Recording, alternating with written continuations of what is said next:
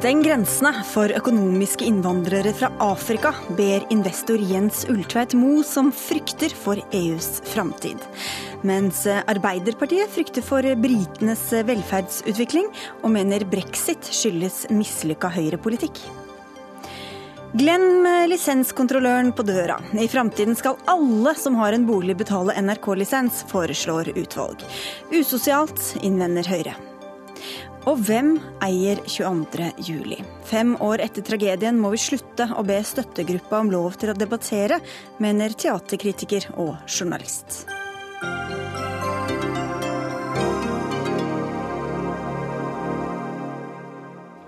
Velkommen til ukas siste, men julis første Dagsnytt 18 på NRK P2 og NRK2. Jeg heter Sigrid Solund. Mange er bekymra for EUs framtid etter at Storbritannia stemte ja til å gå ut av unionen. Straks skal vi diskutere om britenes beslutning skyldtes mislykka høyrepolitikk, men før det skal vi til tilstanden for unionen. For nå må EU stenge grensene for økonomiske innvandrere fra Afrika, sier du til VG i dag, investor Jens Ultveit Moe. Hvorfor vil du stenge grensene? Eh, det er tydelig at EU eh, e nå har en stor utfordring med innvandrerstrømmen. Det, det, vi sett, det, ser vi i England med brexit, vi ser det i Frankrike, Nederland, rekke land. Vi har et menneskelig ansvar for å gi beskyttelse til de som virkelig trenger det. Vi har ikke et ansvar for å gjøre det samme med de som reiser av økonomiske grunner. Flyktninger fra Vest-Afrika har så vidt jeg kan se ikke noe behov for beskyttelse, men reiser av økonomiske grunner. Og det presset det legger på EU, er i ferd med å trekke grunnlaget under det store fredsprosjektet som EU er. Men hvem er det du egentlig mener EU tar imot i dag, som du vil stenge grensene for? Det, det mener jeg er i alt vesentlig en flyktningstrøm som kommer over Libya, eh, som gjør noe veldig farlig. En rekke av dem dør. Grunnen til at det er såpass tiltrekkende kan til gjøre at folk tar risiko med sine liv og gir stor profitt til menneskesmuglere. Og det, er en gruppe som så vidt jeg kan si, ikke har behov for politisk beskyttelse, men gjør det av økonomiske grunner. Og det er veldig farlig med den utfordringen det gir det politiske systemet i Europa. Men hvis de ikke har krav på beskyttelse, så får de vel heller ikke innpass? De kommer når de først har satt, fjorden, eh, satt, foten på europeisk jord, så har de en rekke rettigheter. Og det er jo mange som går inn i, inn i den eh, svarte økonomien i Italia, Spania osv. Og, så og uh, blir der som et uromoment. Jeg syns også at det er jo sterkt forkastelig at vi skal ha menneskesmuglere som nå finner dette mer profitabelt enn narkotika. Og det at sensitivene ligger der, gjør jo at folk risikerer sine liv, og en altfor høy del omkommer underveis. Dette samtidig som vi ikke gir beskyttelse nok med kvoteflyktninger til de som trenger det. Kvoteflyktningordningen bør økes sterkt, og vi må få kontrollere hvem som kommer inn, slik at vi kan ut, gjøre, utføre vår humanistiske plikt, eh, men også sikre at våre samfunn struktur. Pål Schæffer, du er statssekretær i Kommunal- og moderniseringsdepartementet for eh, Høyre. Det er mye bekymring ute og går, eh, hører vi. Steng grensene for, økonomiske innvandrere fra Afrika, sier Ultveit Moe. Hva sier du? Nei, Jeg sier vel at eh, han har rett i at det er behov for å sortere på en sånn måte at det er de som har rett og krav på beskyttelse som vi hjelper, og ikke oppmuntrer andre til å komme som ikke har den retten, og som sånn sett også tar en en, en, en, stor risiko uten grunn. Men eh, jeg ble litt overrasket over det utspillet, fordi jeg opplever vel at hele den norske debatten, eh, i hvert fall mesteparten av det siste året, har handlet om nettopp disse spørsmålene. Og har handlet om ulike, eh, både ulike innstrammingstiltak som, som, er gjennomført. Ikke bare i Norge har vi denne debatten, den pågår i, i hele Europa. Og den handler også om hvordan vi skal samarbeide bedre i Europa for å for å virkelig eh, kunne hjelpe de som, eh, som trenger det. Og det handler om hvordan vi fører en integreringspolitikk som er bedre, sånn at de som har rett til å komme, blir integrert i det norske samfunnet så fort som mulig og kommer, kommer inn i arbeid. Og så er det en fare for at vi blander den debatten sammen med en helt annen diskusjon, som handler om et felles europeisk eh, arbeidsmarked, eh, og som ikke er eh, knyttet til flyttinger fra Afrika, men som handler om det at man har rett til å søke jobb på kryss og tvers av landegrensene i Europa, og som var en, en del av den engelske, den britiske EU-debatten. Men tar en europeiske land imot det Ultvedt Moe kaller økonomiske innvandrere fra Afrika? Jo, men når folk legger på flukt, så kan det jo være veldig mange årsaker til det. Eh, og det er jo opplagt at noen eh, kommer fordi de ikke eh, nødvendigvis tilfredsstiller kravene i internasjonale definisjoner av hvem som er flyktninger, men, men reiser fra en håpløs økonomisk situasjon. Eh, og vi har jo ikke mulighet til å hjelpe alle. Så, så det en innvandringspolitikk handler om, er jo nettopp å, å sortere sånn at vi har best mulig mulighet til å hjelpe de som trenger det aller mest. Og det handler, som Jens Ultveit må helt riktig er inne på, i veldig stor grad også om å hjelpe folk i nærområdene. Fordi det er mulig å hjelpe flere, langt flere, hvis man hjelper folk der. Men det er jo sånn eh, Ulfred at EU allerede har strammet inn og bl.a. inngått en avtale med Tyrkia som får eh, sterk kritikk fra mange hold. Hva mer mener du egentlig kan gjøres uten å samtidig bryte menneskerettighetene? Ja, For det første så er det gjort mye, og vi ser jo det i den reduserte flyktningstrømmen i år. Men det er fortsatt ikke slik at vi er i god måte å velge kvoteflyktninger på. Det, men vi vet jo også det står 800 000 økonomiske flyktninger i Libya som bare venter på å komme over Middelhavet. Jeg mener det vi må gjøre, er å prøve å stoppe den strømmen ved at de som blir reddet opp, blir returnert til eh, Libya. Eller at vi også sørger for å stoppe den eh, menneskesmuglertrafikken som foregår der. Jeg er helt enig med Chaffey at den frie bevegelse av arbeidskraft innad i EU er et stort gode, en del av den sterke økonomiske kulturen, og som har gitt store goder til Norge. Og Det er ganske merkelig at det har vært så stor reaksjon på det i England. Eh, det er svært unyansert etter mitt syn. Ja, da, Vi er jo helt enig i det.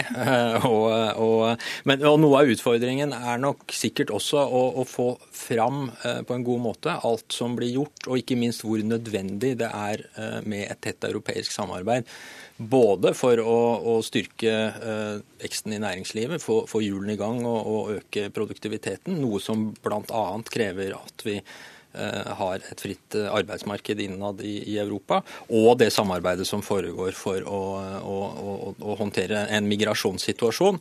Som, eh, som, er krevende. Nå, nå, er det gjort mye, sånn at det å framstille som om dette er helt ute av kontroll, mener jeg er, er, er feil. Men det er jo også sånn at det er urolig veldig mange områder rundt oss, så vi må være forberedt på at eh, det kan bli vanskeligere framover. Og, og, da er det viktig å ha en politikk på plass som, som, som, passer på at det er de som virkelig trenger hjelp, som, som får den.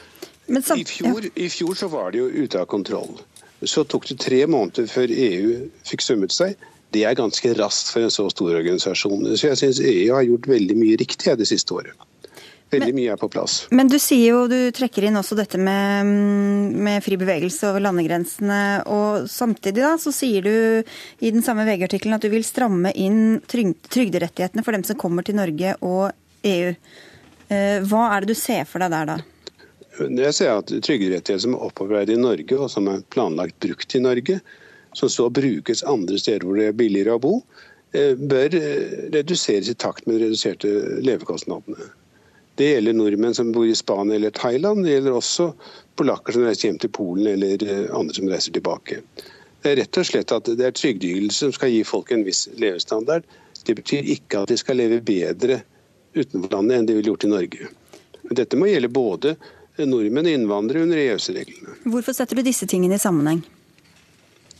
Eh, fordi at jeg tror at insentivene for innvandring blir, ganske, blir feil og for store hvis du kan komme til Norge, være der en kort stund og så reise tilbake til et annet land og derved få en økt eh, levestandard høyere enn det du ville hatt om du hadde vært i det landet opprinnelig.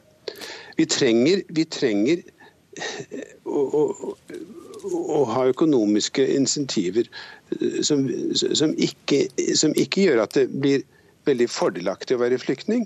Vi må det være slik at de som virkelig har beskyttelsesbehov, får det og de skal ikke ta opp plassen for andre.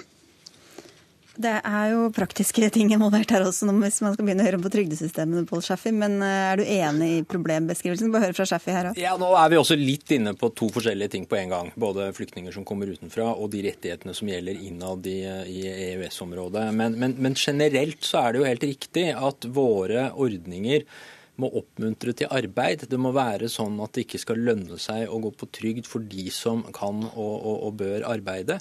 Eh, det gjelder både innad i Norge, men det må jo selvfølgelig også være det prinsippet som ligger til grunn eh, i forhold til hva vi gjør eh, når det gjelder, gjelder omverdenen. Og, og noen av disse innstrammingene som har skjedd gjennom behandlingen i Stortinget nå i vår, har jo nettopp handlet om å stramme inn på ordninger som, som, som, gjør at eh, det blir for lønnsomt, for å si det sånn. Eh, og så, som, så må det balanseres opp mot en kritikk som kommer når, når det gjelder likebehandling, eh, og når det gjelder forholdet vårt til menneskerettighetene, ja, f.eks. Men en sånn indeksering av utbetalingene, det har dere ikke gjort noe med? Nei, altså det er gjort mye nå.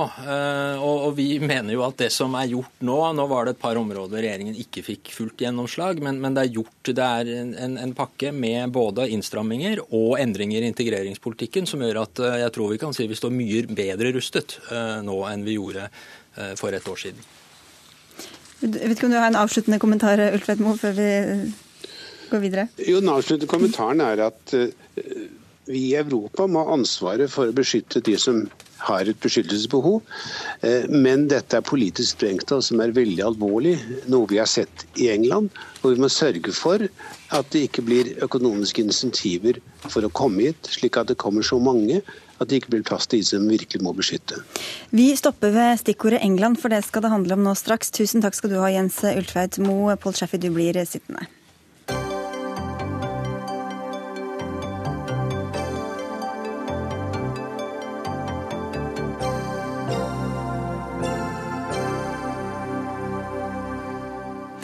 For vi skal til britisk politikk, men eh, ikke forlate EU helt eh, likevel. For i et innlegg på NRKs debattsider Ytring skriver Arbeiderpartileder Jonas Gahr Støre at britenes farvel til EU er et uttrykk for en politisk tillitskrise med dype økonomiske og sosiale røtter.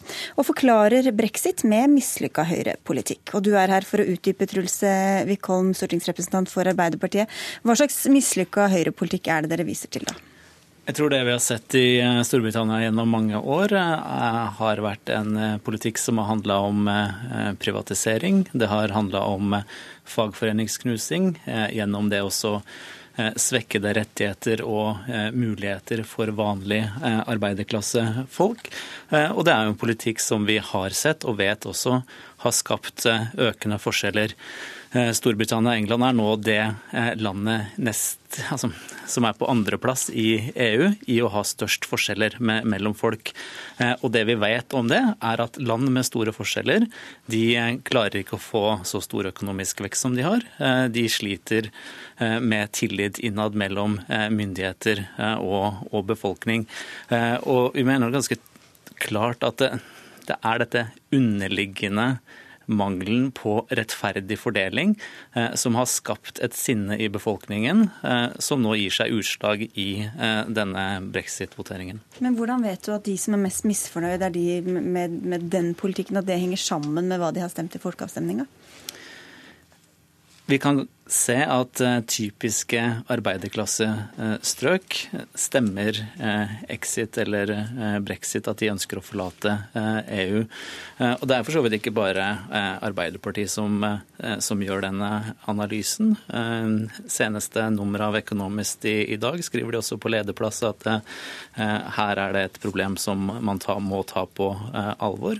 Mangel på fordeling og en befolkning som føler seg etterlatt av Eh, de på toppen, eh, har vært med på å bidra til eh, å, få den stemningen i landet som kunne gjøre at man fikk denne voteringen. Ok, Pål Schäfer, du sitter her fortsatt. Du har skrevet et blogginnlegg om dette selv, om hvilke grupper som mener hva om EU. Hvor god forklaring syns du Arbeiderpartiet har på denne brexiten? Svært dårlig, eh, må jeg si. Det er noen sånne intellektuelle krumspring fra Jonas Gahr Støre som jeg ikke klarer helt å henge med på. Og, og, og er jo, Han er jo innom både Høyre i, i partiet i Storbritannia og, og, i Norge, som får litt av skylden for dette. Men, men, men det beste målestokken på om folk er fornøyd med eh, politikerne sine innenlands, er jo sannsynligvis valg.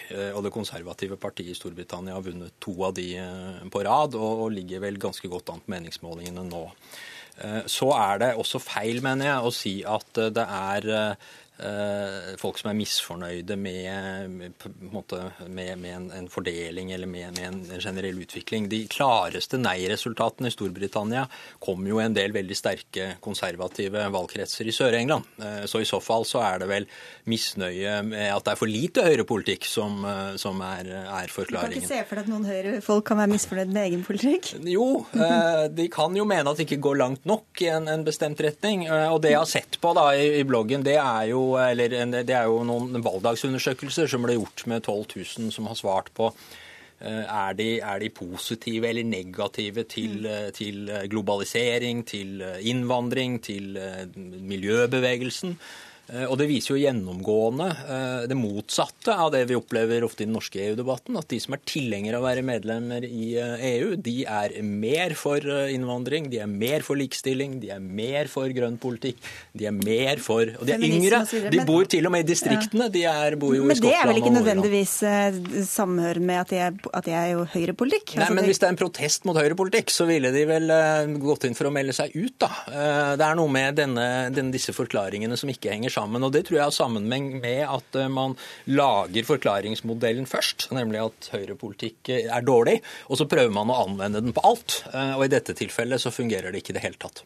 Jeg tror at Pål Shafi her i et, eh, si, et, et, forsøk på forsvar av partiet Høyre eh, også eh, forsvarer alle resultatene som høyrepolitikk har, har gitt opp igjennom. Eh, og jeg syns det er interessant at han, han, trekker fram dette med at eh, de konservative har eh, vunnet valg, og også vant stort nå sist. Hva er det som lå bak det? Bak det, i hovedsak, eh, lå David Cameron sin løfte om at man skulle få lov til å ha en folkeavstemning eh, om EU. Det var et forsøk på å demme opp eh, internt og demme opp mot UKIP. Og det er jo det som blir trukket fram som en av hovedforklaringene på at han, han vant det valget. Så jeg tror at mange av de samme underliggende strømningene som vi nå så eh, ga utslag i brexit, var også det utslaget som gjorde eh, at David Cameron og de konservative vant det.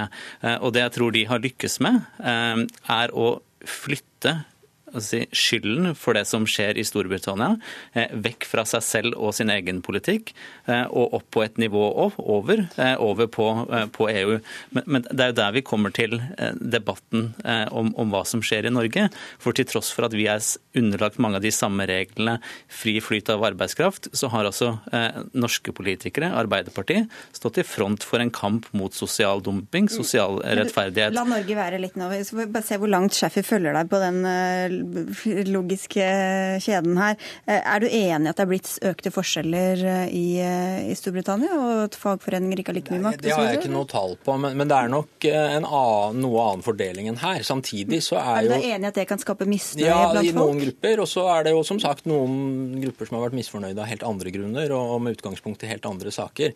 Og det er jo noe av utfordringen når man bare har mulighet til å stemme ja og nei ja. til en sak. Fordi, at, for mange får... mener jo at en folkeavstemning om EU ikke nødvendigvis er tegn eller gir et godt bilde av det man egentlig spør om. Nei, og Det er jo ikke sikkert det var noen god idé å holde denne folkeavstemningen. men, men, men, men, kan det da være at, at det er en misnøye med, med økte forskjeller f.eks. som skyldes på EU, men som, hvor skylda egentlig ligger et annet sted? Jo, men man skal være forsiktig med sånne ensaks... For det første syns jeg også man skal være forsiktig med å, å, å undervurdere velgerne og si at de sannsynligvis ikke har skjønt at det er regjeringen som har ansvar for politikken innenlands, men, men skylder på, har, har, har skyldt på EU i stedet.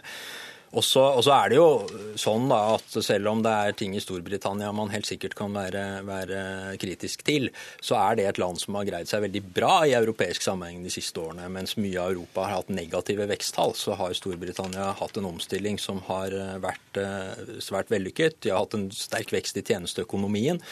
Og, og, og, har sånn sett fått en, en situasjon befolkningen, mye store deler av befolkningen er i en mye bedre situasjon enn før. Ingen grunn til misnøye, egentlig? da? Alltid noen som er misfornøyd med et eller annet.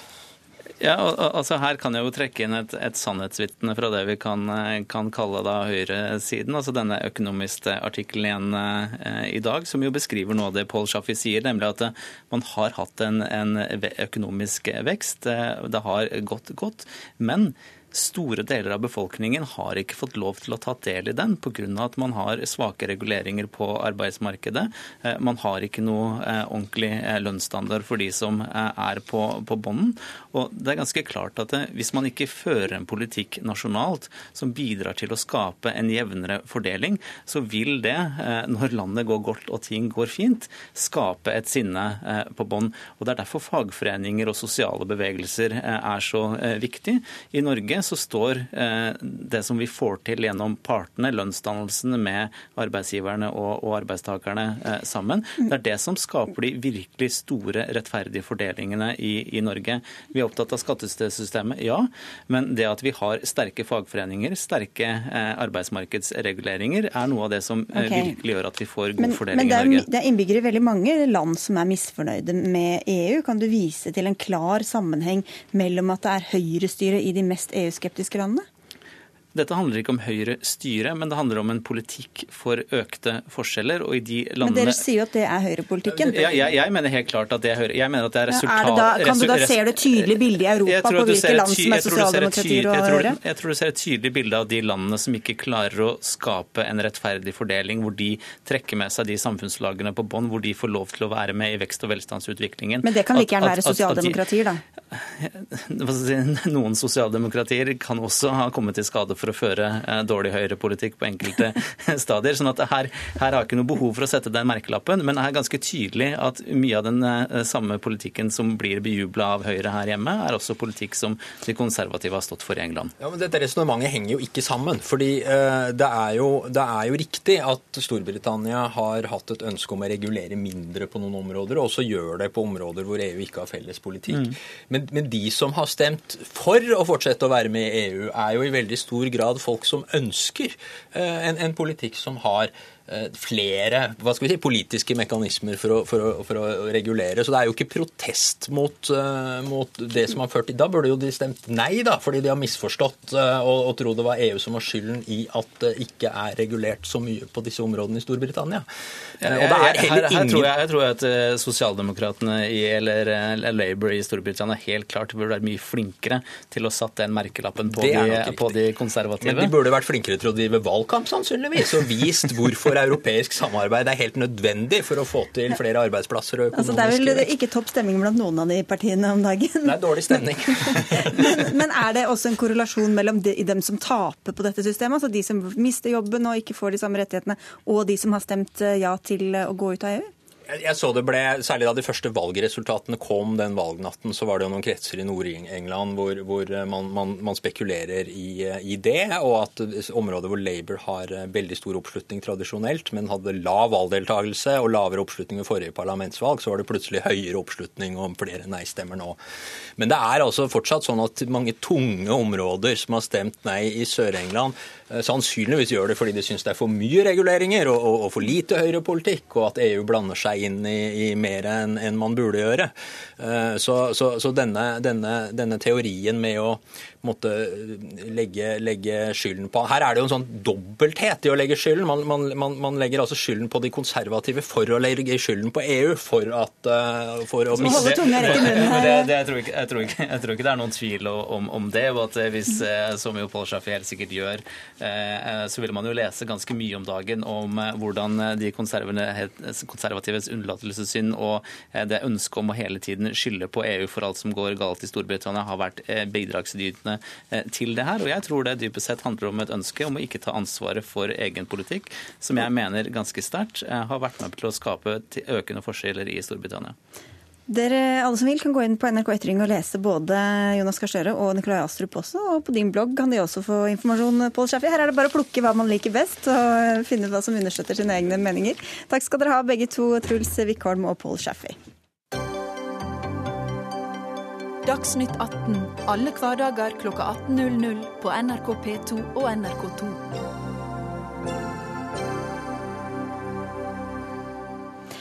NRK skal rustes for framtida, og det innebærer å bytte ut lisensbetalinga og finne en ny finansiering. Nettopp det har en ekspertgruppe sett nærmere på, og den la frem rådene sine i dag. Et av forslagene som har fått mye oppmerksomhet, er å innføre en husstandsavgift. Kort forklart, dersom du disponerer en bolig, skal du betale et NRK-bidrag. Tor Olaf Rimreid, du er tidligere administrasjons- og finansdirektør i NRK, og det er du som har ledet dette arbeidet. Eh, hva er logikken i at alle som eier eller leier en bolig, skal betale en viss sum til NRK? Utgangspunktet er jo at vi i dag har en lisensordning som fungerer godt. Imidlertid så er den lisensbetalingen knyttet til fjernsynsmottakeren. Og vi ser allerede nå at andelen husstander som har fjernsynsmottaker er fallende, fordi folk eh, ser på NRK eh, på brett og smarttelefoner osv. Altså de ser på dette på en helt annen måte og vil gjøre det i fremtiden enn de gjør i dag. Eh, vi har vært opptatt av at man ikke må få et lisenssystem som er slik at stadig færre kan bruke, eller stadig flere kan bruke NRK uten å betale. Altså det at vi får lovlige, store grupper av gratispassasjerer. Og Da har vår vurdering vært at eh, vi må få en ordning som sikrer en langsiktig finansiering for NRK, og det tror vi best kan ivaretas ved at man i stedet for å bare knytte det til fjernsynsmottaker, knytter det til, til en bopel.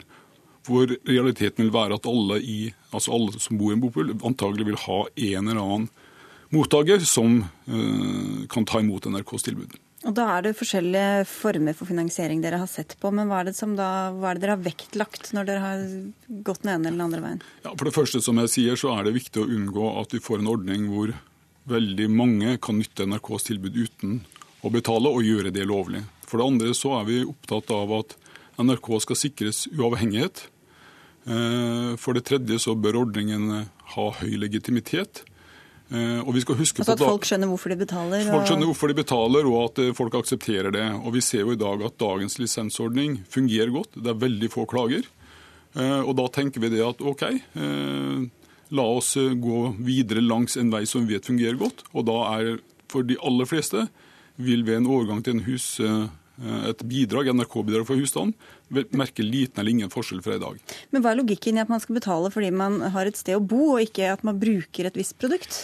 Nei, Det kan du si, det er jo et godt spørsmål. Og, og Vi har vurdert veldig mange ordninger, og vi har sett oss rundt i hele Europa. og, og Det er jo ingen quick fix her, for det er ingen som har en entydig løsning på, på hva man skal velge. Mm. Men vårt, øh, vår vurdering er at i fremtiden så vil én eller flere i husstanden helt sikkert ha tilgang til NRK Enten via PC, brett, TV eller smarttelefon eller hva det vil være i fremtiden. Og Da kan vi like godt eh, ha en ordning som er knyttet til, til husstanden. Kringkastingssjef Tor Jan Eriksen, du virker ganske fornøyd i dag? Eh, jeg er veldig fornøyd med at eh, ekspertutvalget har på en måte understreket hva ordningen skal ta hensyn til. Det skal være en rettferdig ordning, det skal være robust teknologisk, og den skal understreke NRKs uavhengighet. Så er det jo flere forslag som, eh, som utvalget har pekt på som fyller akkurat de kriteriene. Det er jo særlig to. Det er en ordning som i dag, men som omfatter ikke bare TV, men andre eh, apparater også. Og så er det denne husstandsavgiften. Og Det er jo ikke sånn at dette utvalget liksom har tatt dette fra løslufta og funnet på noen ingen andre har tenkt på. Det er altså det største landet i verden som det er naturlig å sammenligne Norge med, nemlig Tyskland har jo eh, innført en lignende ordning bare for et par år siden. Hva betyr, Hvis det blir en sånn husstandsavgift, da, hva betyr det for NRK? Nei, altså Det betyr jo flere ting. For det første så er det jo sånn i dag, som Rimreid er inne på, at vi har verdens eh, største oppslutning rundt lisensen.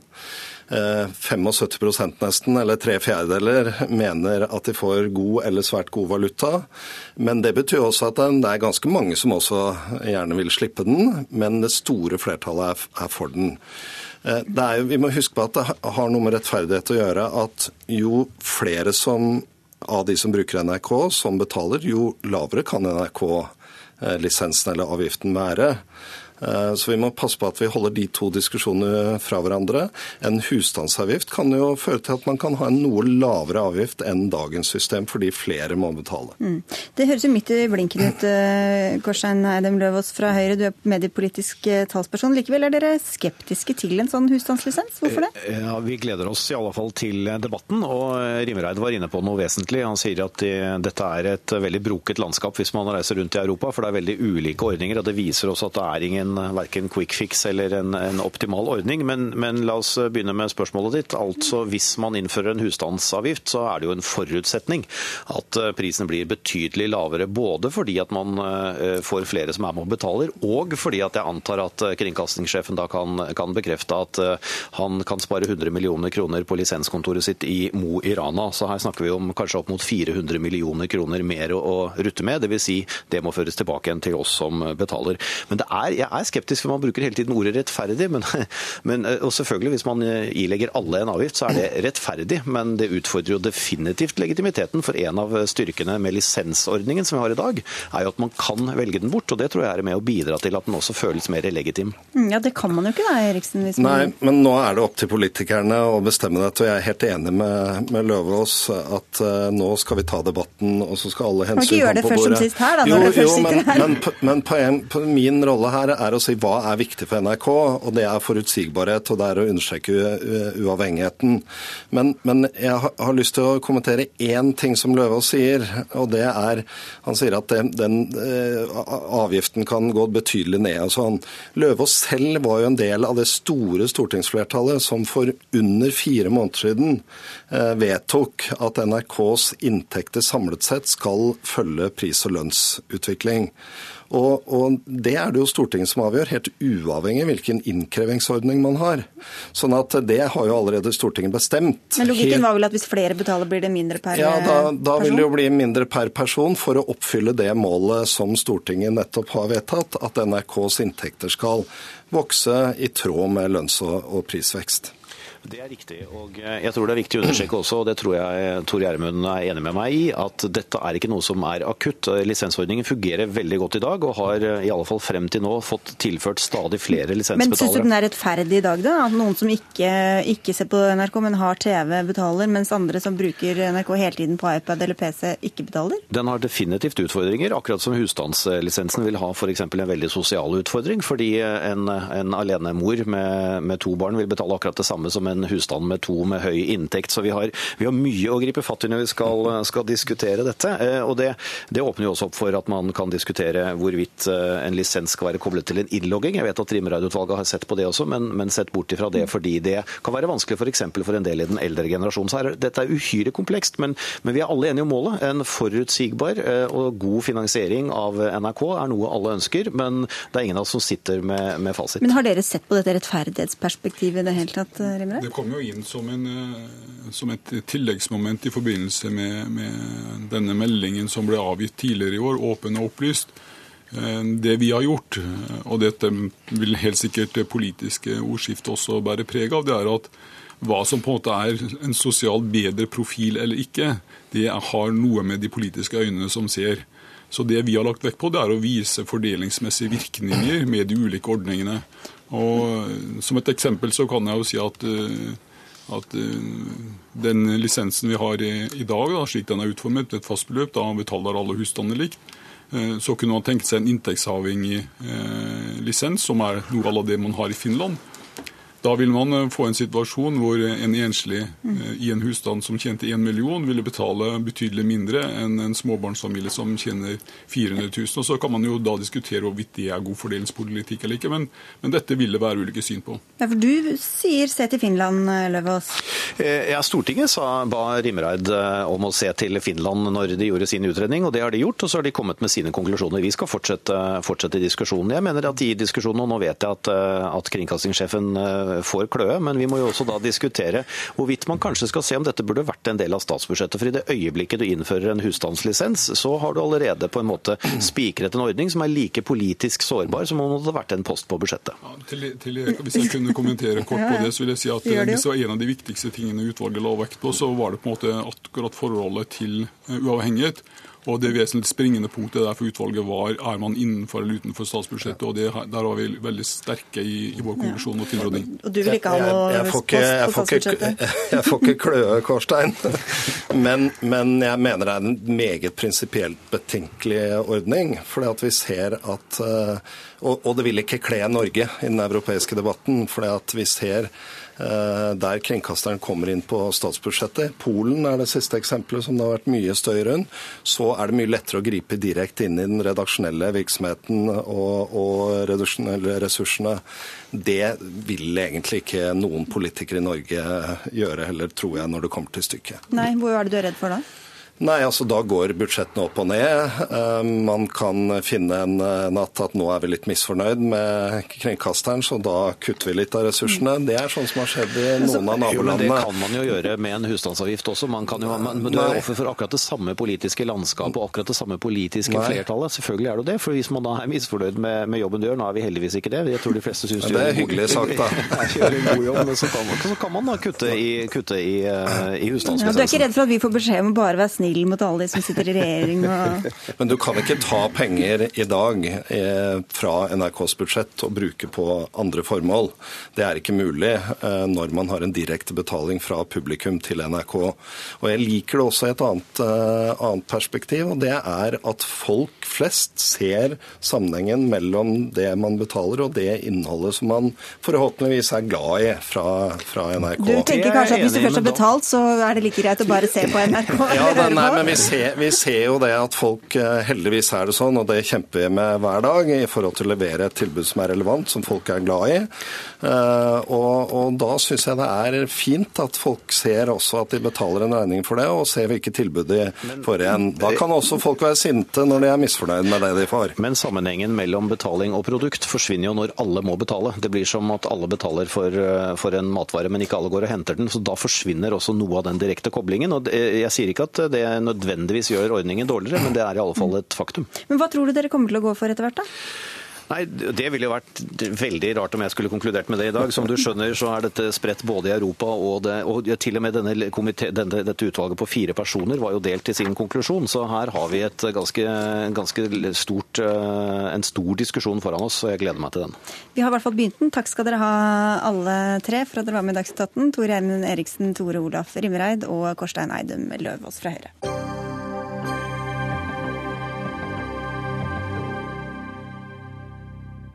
Da skal vi til Østerrike, hvor det blir nyvalg til presidentvervet i, eh, til høsten. Årsaken er at presidentvalget den 22. mai er kjent ugyldig av grunnlovsdomstolen. Dermed kan høyrepopulisten Norbert Hofer likevel bli president, etter at han tapte knepent for den tidligere De Grønne-politikeren Alexander von der Bellen. Elin Nesje Vestli, du er professor i tyskspråklig litteratur og kultur ved Høgskolen i Østfold. Og du var her i Dagsnytt 18 i mai da vi dekket valget. Nå er du i Wien. Hvorfor blir det nyvalg? Ja, Som du sa innledningsvis, så er det fordi at man nå har eh, vurdert hvordan valget har gått for seg, og funnet at det har vært feil ved opptellingen i enkelte valgkretser.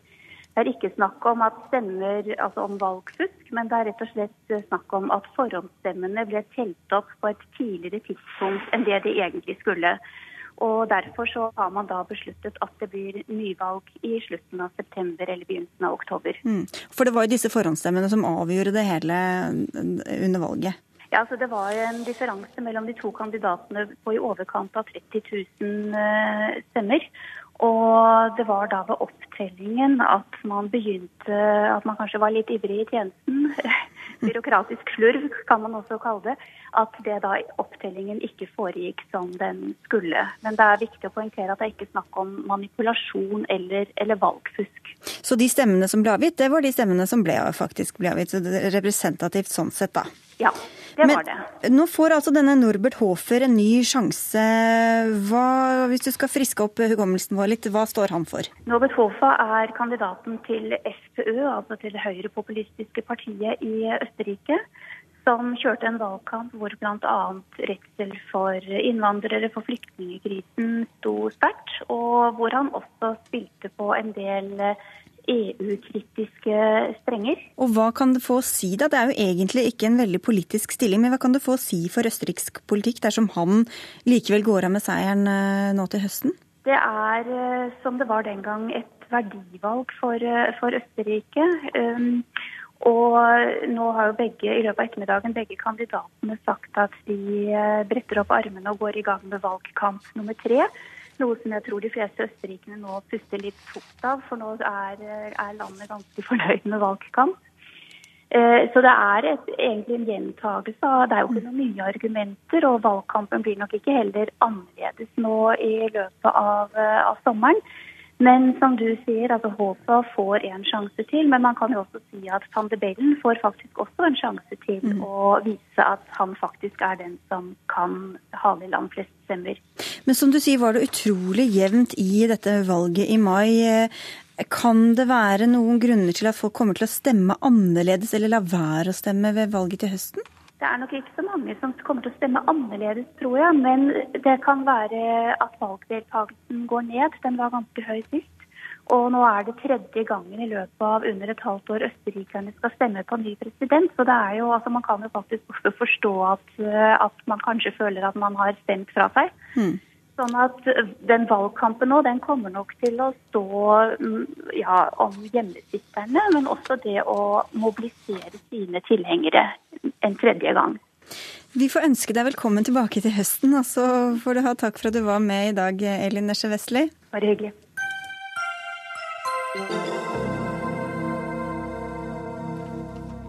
Det er snart fem år siden terroren rammet Norge den 22. juli. Fortsatt behandles de etterlatte som et automatisk høringsorgan i det offentlige ordskiftet, noe som er direkte ødeleggende for det videre arbeidet med å forstå og diskutere tragedien. Det er essensen i en kronikk i Aftenposten denne uka, ført i pennen av deg, Anki Gerhardsen. Du er teaterkritiker og journalist. Hvordan og på hvilken måte legger det et lokk på debatten, eller for kunsten, som du også er innom, at vi er redde for å gå ordentlig inn i dette temaet, mener du? Mm.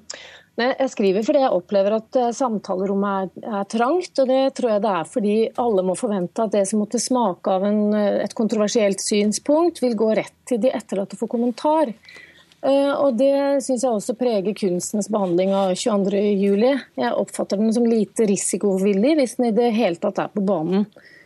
Og Så eksemplifiserer jeg det i kronikken da, med et ganske sånn, en fersk hendelse fra Festspillene i Nord-Norge. Eh, hvor det var et kunstlaboratorium eh, som da skal lete etter nye måter å forstå ting på. Hvor vi egentlig endte opp med en slags repetisjon av smerten og sorgen. da. Ja, det var bl.a. blant andre Åsne Seierstad til stede. Du er også her i dag. Eh, du er journalist og forfatter bl.a. av boka 'En av oss' om Anders Behring Breivik og terrorangrepene den 22. Eh, juli. Er du enig i denne påstanden om at det er så mye vi ikke tør å ta tak i? Nei, jeg er egentlig ikke det. Eh, fordi at eh, en del av de eksemplene som eh, Anki Gerhardsen har, er langt tilbake i tid. Stykket til Christian Lollicke hvor han bruker deler av Breiviks manifest som støttegruppen eh, reagerte på. Men forestillingen gikk. Den gikk for fulle hus. altså Vi snakker ikke om noe sensur. Men eh, det er lov som foreldre å kunne reagere på det. Men det er selvfølgelig kunst skal være helt fri, og det skal være ytringsfrihet i kunst og kultur. Og eh, jeg opplever ikke støttegruppen som noen eh, sensur, eh, selv om dette også handler om en, en selvsensur, slik jeg forstår Anki Gerhardsen. Og så hadde vi jo en helt uh, forskjellig opplevelse av det som skjedde i Harstad. Altså, uh, ja, jeg ble veldig berørt av det. Og det, også, det var 22 mennesker som leste ulike tekster fra norske forfattere. Uh, der var det sånn Jeg er ordfører, jeg skal lese dette. Jeg er helsesøster i byen, jeg skal lese dette. Jeg er skoleelev, jeg skal lese dette. Jeg er skuespiller. Altså, det var litt sånn OK dette er også Norge, dette er det samholdet. Dette er jo det ikke sant, som du skriver, at den kollektive skylden vi aldri diskuterer rundt Breivik, hva kunne blitt gjort, uh, har Norge sviktet han som barn, senere osv. osv. Uh, ja, men der bygger man altså Det var på en måte det samholdet da, som er blitt etterlyst. Det opplevde jeg i Harstad. Det syns jeg var sterkt rørende. Få høre med deg, Gerhardsen. Hva er det du savner egentlig at noen sier eller gjør som du mener vi ikke tør i dag? Mm. Jeg skal bare, bare, kort kommentere. Den eh, kollektive lesningen den er veldig fin i seg selv. Det jeg snakker om er hva det var vi leste. Og Der opplevde jeg at det kom ikke fram noen perspektiver som vi ikke har eh, snakka veldig mye om fra før av. Men de samtalene Men kan, du ikke si, kan ikke du komme med et perspektiv? da? Hva etterlyser du helt konkret? Jeg skjønner deg ikke. Ja, Hvilke samtaler ja, vi bør ta? Ja. ja. ja eh, de samtalene vi bør ta Jeg synes eh, at vi snakker for lite om det jeg kaller for kollektiv skyld. Og La meg ta to eksempler. Du nevnte jo også nå det, det sviket som denne lille gutten ble utsatt for. Kan vi diskutere samfunnsansvaret der på en dyp og grundig måte? Og For å holde den tråden, kan vi da også snakke om Anders Behring Breivik med en slags medfølelse? Det, det, tror jeg er ganske tabubelagt. Vi snakker bare om ham som monster eller patetisk. Og eh, Eksempel to, altså hva er det i vår kultur som kan ha stimulert gjerningsmannen til å velge en så spektakulær og medieretta form på ugjerningene sine. Og her i dette siste så mener jeg at det er et stort tomrom å fylle med ulike typer samtaler, og sett fra svært ulike fagfelt. Og da tror du at av hensyn eller liksom medfølelse med de etterlatte og de overlevende, så lar man være å gå inn i sånne typer debatter? Jeg tror at det kan være vanskelig. Eh, hvis du vet at eh, det jeg nå sier, det jeg nå lager av kunst, eh, min utforskning av et problemfylt område med kanskje kontroversielle perspektiver, vil bli sendt til de menneskene som bærer stor smerte fra før av. Da tror jeg man legger ganske mye bånd på seg. Det er nokså menneskelig å gjøre det. Og i, i Harstad så var også de etterlatte invitert spesielt inn i den kollektive lesningen. Og det tror jeg ville, det legger ganske store bånd på hva som kan skje i et sånt kunstrom. Men altså når det gjelder kollektiv skyld og samfunnsansvar i forhold til eh, Breivik sin barndom, så vil jeg jo si at det er blitt debattert, bl.a. i boken til Åge Borchgrevink. Jeg har vært innom det, hvordan, eh, ikke sant, om det er rettsprosessen eller om det er barnevernet, hvordan, hvordan, den saken hans bare ble sluppet.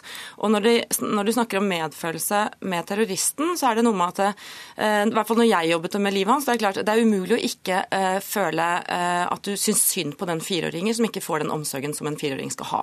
Eller seksåringen. eller eller 15-åringen som blir mobbet. Alt det er der. Men det er klart, eh, på et eller annet tidspunkt så stopper den medfølelsen. Men eh, ja, altså, jeg er absolutt for at vi skal kunne diskutere mange sider her. Men eh, jeg mener at det til en viss grad har blitt gjort. Og det er i hvert fall ikke støttegruppens skyld at det ikke blir gjort. Nei, men man kan jo spørre også, Hvorfor skal vi ikke ta hensyn til dem som overlevde, og, tenke, og ha dem i mente, og dem som mista noen de var glad i, når vi berører dette temaet, Anki Gerhardsen?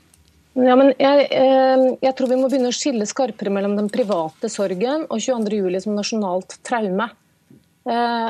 Og eh, Da må vi liksom tenke hva, hvilke type samtaler er det som skal adresseres hvor. Vi trenger ikke å spørre støttegruppa eller andre av de berørte om absolutt alt. Når er det på plass å spørre dem, og når er det ikke det? da? Jo, altså eh, Selvfølgelig alt som handler om å få et så godt liv som mulig. Få hjelp og støtte, traumebehandling, tilrettelegging, så er det rett. Men for å mene noe om det offentlige ordskiftet, der, eh, der syns jeg at vi skal være mye mer forsiktige. Ja, men du, altså, Der er vi bare uenige i premissen her. En mediekritikk, men jeg ser jo også at støttegruppa skriver på sin hjemmeside at de skal være en synlig aktør i mediene. Sånn at det, det, Man må bare liksom adressere spørsmålene. Men Vi er litt uenige i premissene her. fordi eh, Jeg mener jo at støttegruppen ikke ikke blir spurt i alle spørsmål som gjelder 22. juli. Og når du skriver om minnesmerket eh, til Dahlberg på Sørbråten, på Sørbråten ja. mm. så eh, blander du sammen naboen og støttegruppa, fordi støttegruppa har jo siden 2014 støttet det minnesmerket enstemmig. Eh, og de ønsker at dette er det regjeringen og dette er en nasjonalt anliggende som ikke har noe de skal ha noe med å gjøre. Det er jo naboene, hvorav bare tre av dem kan faktisk se det fra huset sitt. Det er jo de, Du kan ikke egentlig putte støttegruppa sammen med dem. Det er jo to helt forskjellige um, grupper. Og jeg vil si at uh, sånn som støttegruppa opererer nå, syns jeg det opererer veldig konstruktivt og faktisk også veldig diplomatisk. I forhold til at det er en mangslungen medlemsmasse med mange medlemmer som har helt ulike erfaringer eh, i, eh, og, og, ulike sorgprosesser. Og bare én viktig ting. Eh, jeg vil jo si at Norge har privatisert sorgen. Der er jeg enig med deg. Men det er da igjen ikke støttegruppas feil. Men at vi som land ikke helt vet hvordan vi skal takle det. Vi vet ikke hvordan vi skal snakke om det i skolen. ikke sant? Jeg har møtt masse lærere som sier til meg meg, vi vet ikke hvordan vi skal undervise. Vi, vi, vi, vi har ikke noen plan. Ikke sant? Det er viktig, syns jeg. Eller det, hvordan, hvordan, hvilken status har disse ofrene fra 22.07? Er de nasjonale martyrer, eller er det privat sorg? Det er et tomrom der. Eh, og det er det Norge som, som har, har også latt ligge åpent. Der er dere sikkert enige, Gerhardsen, men nå blir du beskyldt også for å blande kortene når det gjelder dette minnesmerket på Sørbråten? Ja, Det gjør jeg ikke, og det ser du hvis du leser kronikken min ordentlig. Jeg vet godt hva støttegruppa har sagt rundt det. Men jeg skriver også om, jeg skriver ikke bare om støttegruppa, jeg skriver om eh, hvor man retter spørsmålene sine mm. Eh, til de etterlatte og de som er direkte berørte. Og eh, her er det jo etterlatte da, som, har, som nå vil nekte kunstnerne å risse inn navnet til deres barn, for på den måten å stanse et nasjonalt minnesmerke som skal være der for alle de generasjonene som kommer etter oss. Da eh, får jeg en sånn opplevelse av eh, maktmisbruk. Eh, ja. Men det er vel helt greit om det er, det er vel snakk om tre eller fire eller fem. Er det ikke det helt greit at det er tre eller fire eller fem navn som mangler? Og så blir det minnesmerket uansett, fordi støttegruppa, som jo er en valgt De er valgt av medlemmene sine, har støttet dette eh, altså ut fra det juryarbeidet som er blitt gjort der. Og så er det helt fritt. Det er noen som ikke ønsker å ha navnet til barna sine der. Det må da være helt greit. Men det er ikke det vi egentlig diskuterer. Eh, så om det er greit eller ikke greit. Ja, det jeg prøver å eh, sette på dagsordenen, er hvem det er vi mener eier 22.07. Hvem det er som skal mene noe, hvem det er som skal spørres om noe. Det er det som er liksom utgangspunktet. ja, jeg, jeg skjønner det, men akkurat når det gjelder minnesmerket, så er det eh, noe som jeg mener faktisk at de etterlatte skal ha en mening om. Eh, og når det gjelder alle politiske debatter, så mener jeg også at eh, ordskiftet er ganske fritt, og det er fritt fram å si det du sier nå, og lage kunst av det. Vi må nesten avslutte der. Tusen takk skal dere ha begge to. Bare ta med på tampen at støttegruppas styreleder skriver til NRK etter å ha lest kronikken i Gerhardsen at vi støtter at det etableres et nasjonalt minnested og kjenner oss ikke igjen i kritikken, og har ingen ytterligere kommentarer. Vi har også forsøkt diverse medieledere fordi kronikken din egentlig også da angriper mediene som, eh, som, aktør. Tusen takk skal dere ha, i hvert fall begge to, Anke Gerhardsen og Åsne Seierstad, for at dere kom til Dagsnytt 18. Hør Dagsnytt 18 når du vil. Radio NRK Radio.nrk.no.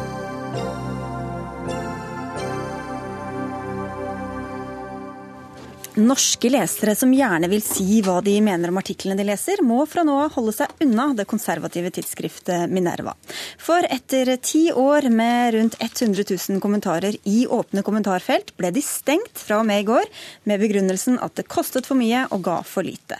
Så Nils August Andresen, du ba alle troll og pedanter og andre fyre løs for siste gang denne uka. Hva var det du fikk i retur? Eh, nei, det var eh, en blanding. Var, noen var typisk eh, sinte over at nå viser dere at dere er elitister, dere hater folk og hater leserne og sånn. Noen var litt triste, for det var ofte da med begrunnelsen at det er kommentarfeltene som er interessante, ikke artiklene. Vi håper jo selvfølgelig helst at det skal være i hvert fall noe interessant også i artiklene. Eh, noen har gitt støtte til det også. Det er klart Mange av de som kommenterer, har jo ikke vært enige. Og det reflekterer vel ofte kommentarfeltenes funksjon. Det er ikke der for å uttrykke for å støtte. Det er ikke derfor man skriver i kommentarfeltet. Og så var det noen kommentarer som vel understøtta det begrunnelsen ja, det var en av de aller siste vi fikk inn før det, før det gikk i svart. Det var dette er nok en god idé, Nils August. Innvandring fra muslimske kulturer er en berikelse for unge norske menn på damefronten. Andresen. Mm.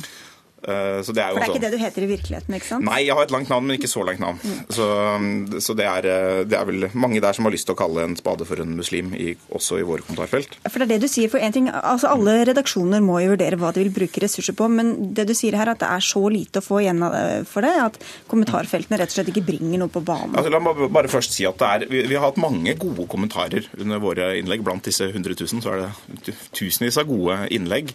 Og Det er ofte ikke det enkelte innlegget heller som er problemet problemet. Men der, eh, det jeg skriver, som, eh, som er, er tilfellet, er at det er en tendens til at veldig mange ulike typer debatter, enten det handler om Kina eller om trygder eller om eh, skattenivå eller noe sånt, ender opp med debatt om innvandring. For det er mange av de som beskriver kommentarfeltene som mener at dette er veldig viktig og føler at de ikke får sluppet til nok steder. Og Jeg mener innvandring er en veldig viktig debatt, men vi ønsker å klare å ha debatter om andre ting enn innvandring. Man må ikke alltid kalle en spade for en innvandrer. Og så er det noen som går stikk motsatt vei, og som vil gjøre kommentarfeltene sine viktigere. Det er dere, Bergenstidene. Dere legger om systemet deres denne uka, sjefredaktør Øyulf Hjertnes. Du er for så vidt enig, i hvert fall til dels i problembeskrivelsen, men du sier at det er helt feil, vei, helt feil svar på riktig spørsmål? Ja, altså det er jo sånn at det å være en arena for offentlig debatt det er jo en av de viktigste oppgavene som mediene har. og Derfor mener vi det er helt feil vei å gå. Vi vil heller åpne opp, gjøre det enklere å delta i debatten, og så heller jobbe med de problemene som man har i kommentarfeltene. Men Dere er jo da nedskjæringer til tross en, en mer ressurssterk eh, redaksjon enn Minerva. Men utover det, hvor mye meningsfullt opplever dere egentlig at dere får ut av disse kommentarfeltene?